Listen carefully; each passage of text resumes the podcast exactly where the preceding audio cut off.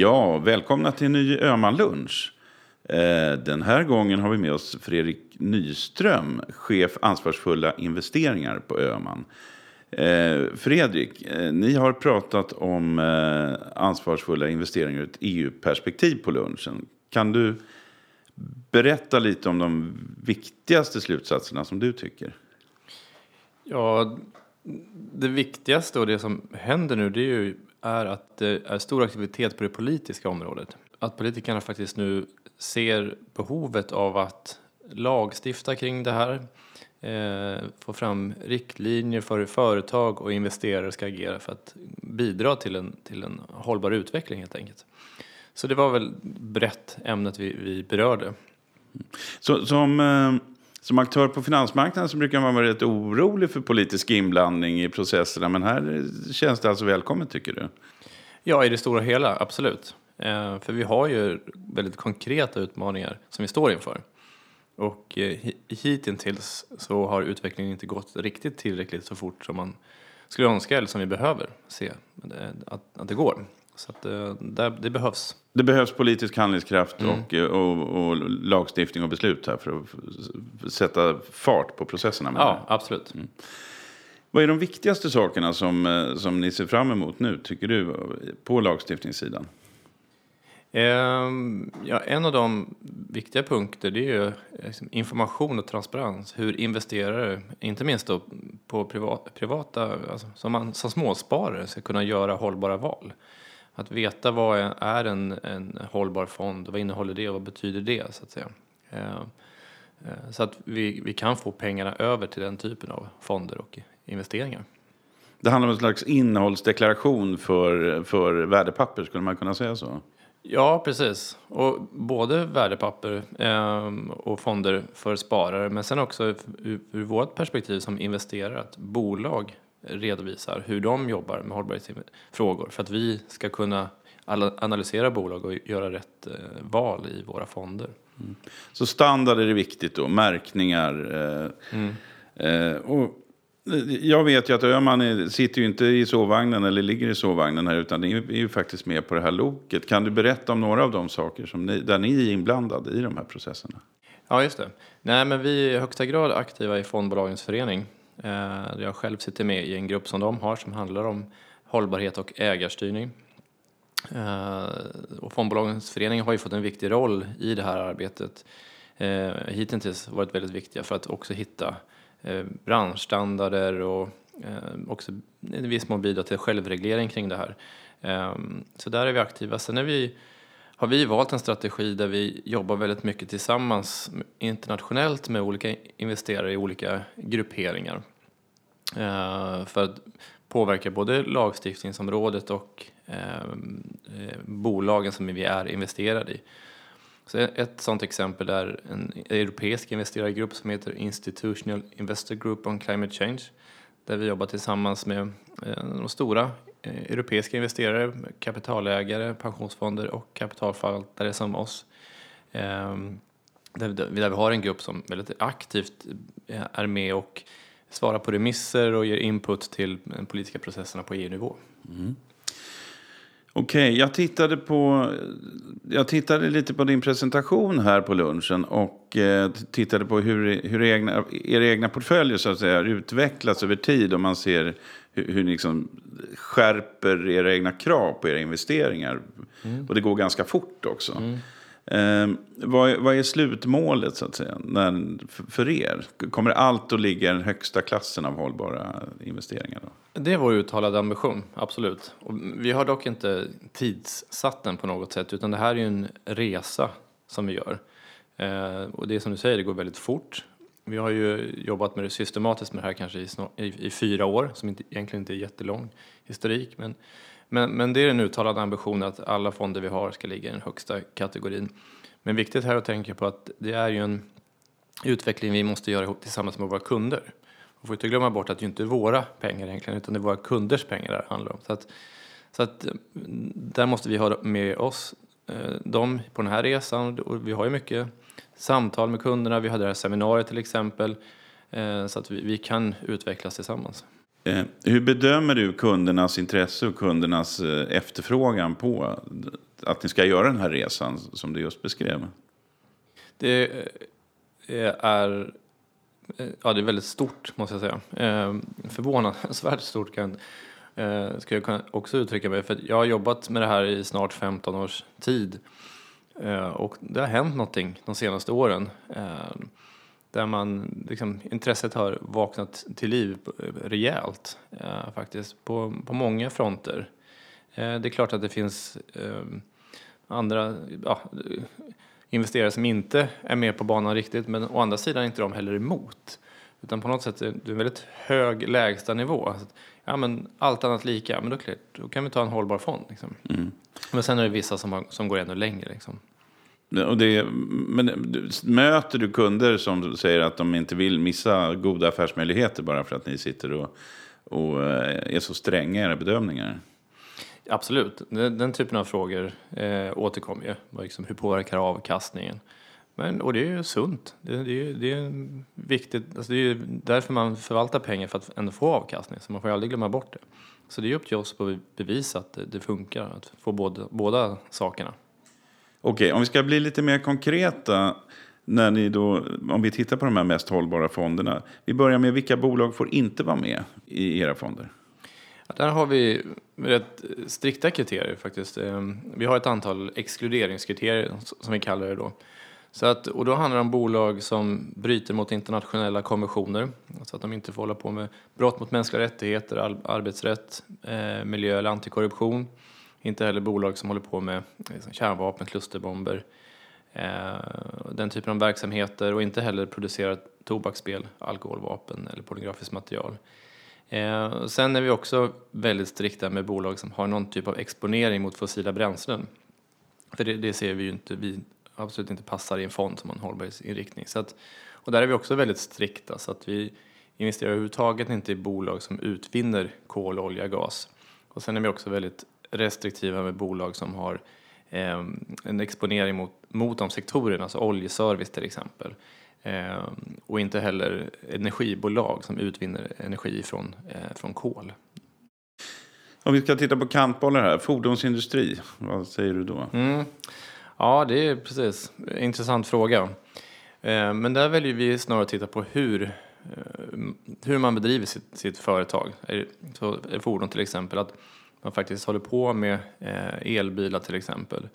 Men vi har å andra sidan valt också aktivt att inte gå in i fordonsindustrin eh, i våra hållbarhetsfonder därför att eh, vi tycker inte riktigt att det rimmar och med, med strategin och det finns inte så många bol, eh, fordonstillverkare som har kommit så långt heller i, sin, eh, i sitt utbud. Man, de flesta har ju lite granna kanske av elbilar eller något liknande men det är fortfarande det förbränningsmotorn som är den övervägande delen.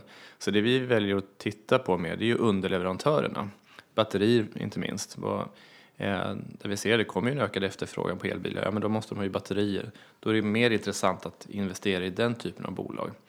Eh, så lite så, mm. eh, underleverantörer är mer intressanta än, än fordonstillverkare som sådana. Finns det en risk här eh, att det, det uppstår någon slags eh, B-marknad med fonder i bolag som, eh, som inte ni släpper in i era fonder. Så att säga. Att vi har en, en, en fondmarknad där man har vapenindustri och fossila bränslen och spel och, och tobak. Eh, som en slags eh, motvikt kan man säga till all den här hållbarheten. Ja, jag vet inte. Det, kan, det, är klart att det kan finnas det. Det finns, finns det sådana fonder, som, ja, i USA har man sett tidigare sådana typer av fonder, men, men ja, det får komma i så fall. Nej, det, det, det är ett bra svar. Du, du, jag bjöd upp till dans och du, du dansar inte. så det vill säga.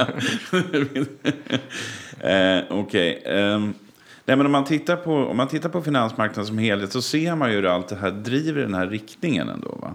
Eh, det blir alltså att eh, investeringarna, fonderna, innehåller mer och mer företag som, som jobbar med hållbarhet. Är målet att det ska uppstå kapitalbrist i resten så att eh, de sjunker ner i dyn så att säga? Ja, där har ju, man har ju olika bevekelsegrunder till varför man exkluderar egentligen. Ehm, och den där kanske är väl svår, just det där med att det ska Eh, leda till en kapitalbrist, att det ska bli en annan prissättning på dem för att ingen vill ha med dem att göra. Någon beröringsskräck sådär. Men vissa delar av de här kriterierna som jag nämnde är mer värderingsdrivna. Att man vill inte hålla, vara involverad med spel eller tobak och så vidare och eh, pornografiskt material. Ehm, Medan kriterierna som vi har kring fossila bränslen, de är ju eh, risk och finansiellt orienterade. Vi, vi, vi tror inte på de branscherna helt enkelt. Uh, så att, ja, det finns en moralisk del i det, men det finns också en finansiell del i det. Ja, spel det kan vara hur lukrativt som helst, men ni vill inte vara där, Nej. för det är inte etiskt. Nej, däremot, precis. Däremot eh, fossila bränslen, det ser ni, det är någonting som, som på sikt är för stor risk ja. att, att investera ja, i. Exakt. Förutom att det är dåligt för miljön. Exakt. Jag vill inflika att historisk avkastning är ingen garanti för framtida avkastning. De pengar som placeras i fonder kan både öka och minska i värde och det är inte säkert att du får tillbaka hela det insatta kapitalet. Vi rekommenderar att du läser fondens faktablad och fullständiga informationsbroschyr innan du köper andelar i en fond. Okej, då har vi pratat lite grann om eh, er filosofi och vilka bolag ni exkluderar och varför. Om vi går tillbaka till, till den politiska processen här. Eh, någonting som man pratar mycket om nu det är taxonomi eller taxonomy. Eh, det pratades det om på lunchen idag. Kan du berätta lite grann ur ditt perspektiv vad det handlar om? Mm.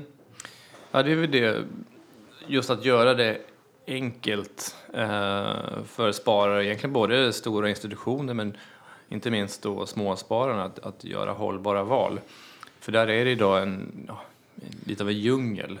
Ehm, för att ord, begreppet hållbarhet betyder helt olika saker. Hos oss på Öhman betyder det en sak, hos ja, en konkurrent någonting annat.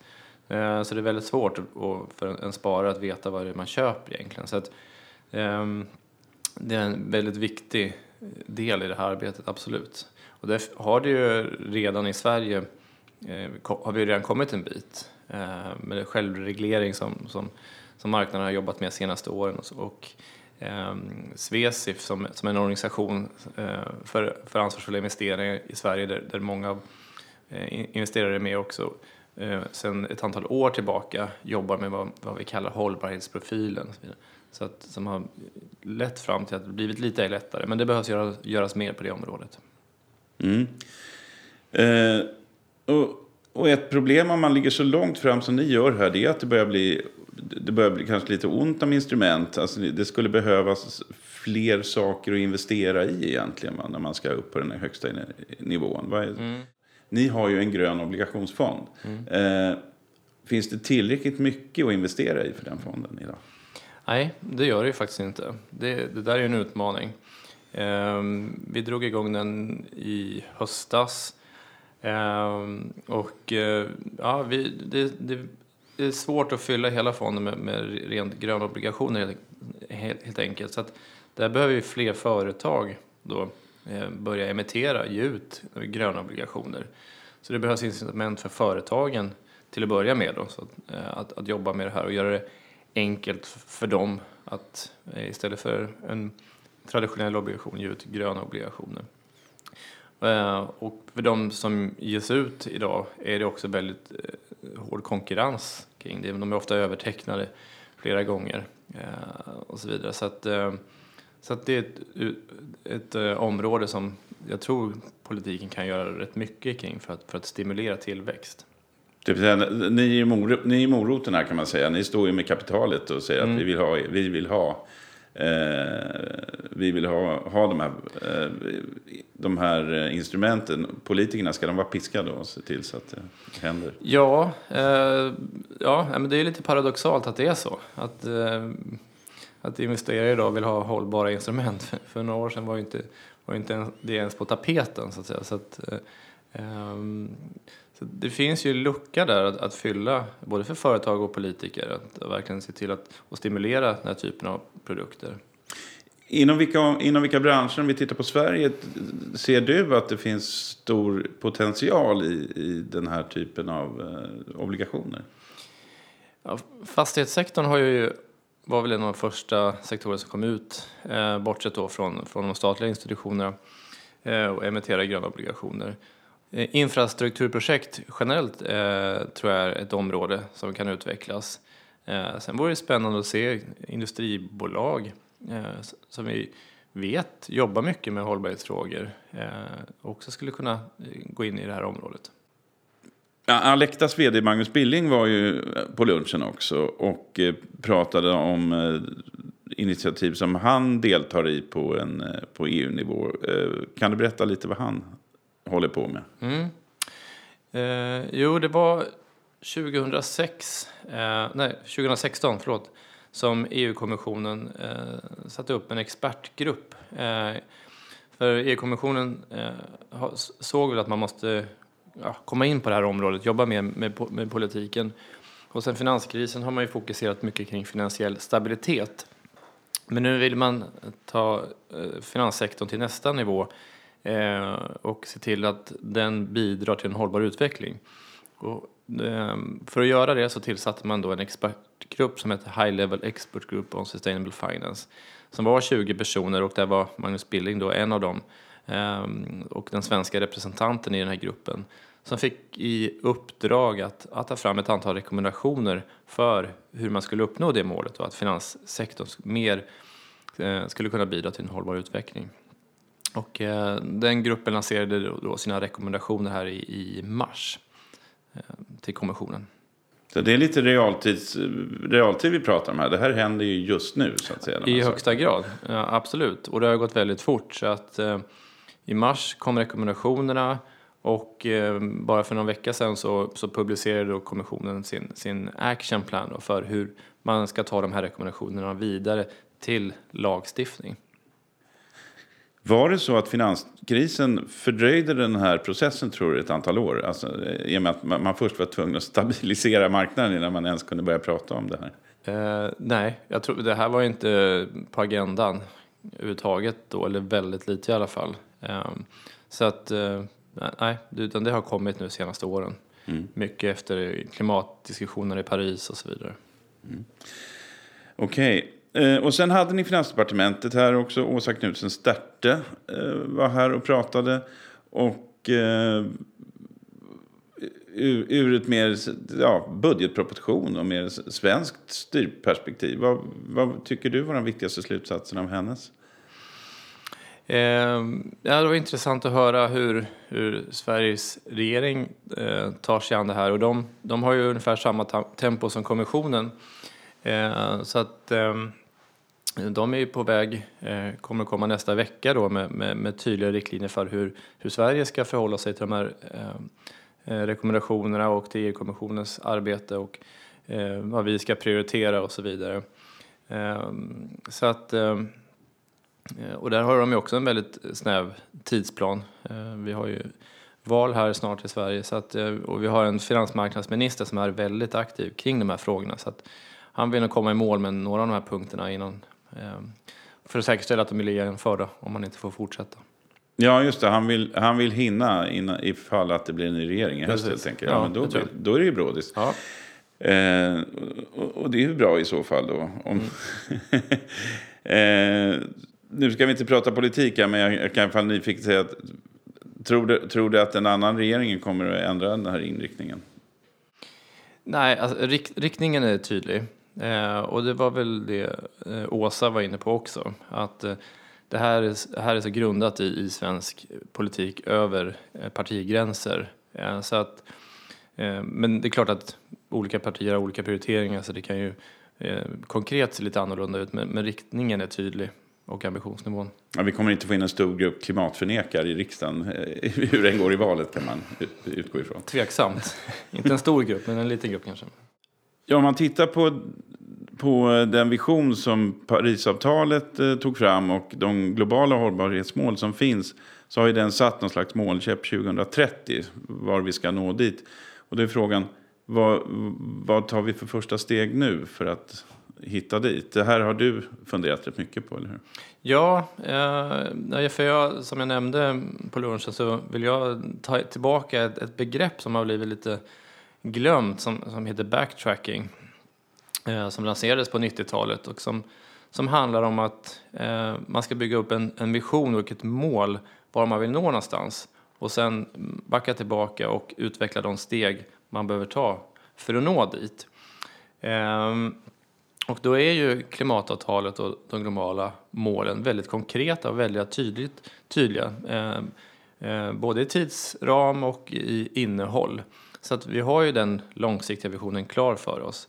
Så att det vi ser nu eh, med EU-kommissionen och Sveriges regerings arbete, det är ju de här eh, stegen eh, som ska tas för att, för att nå dit. Mm.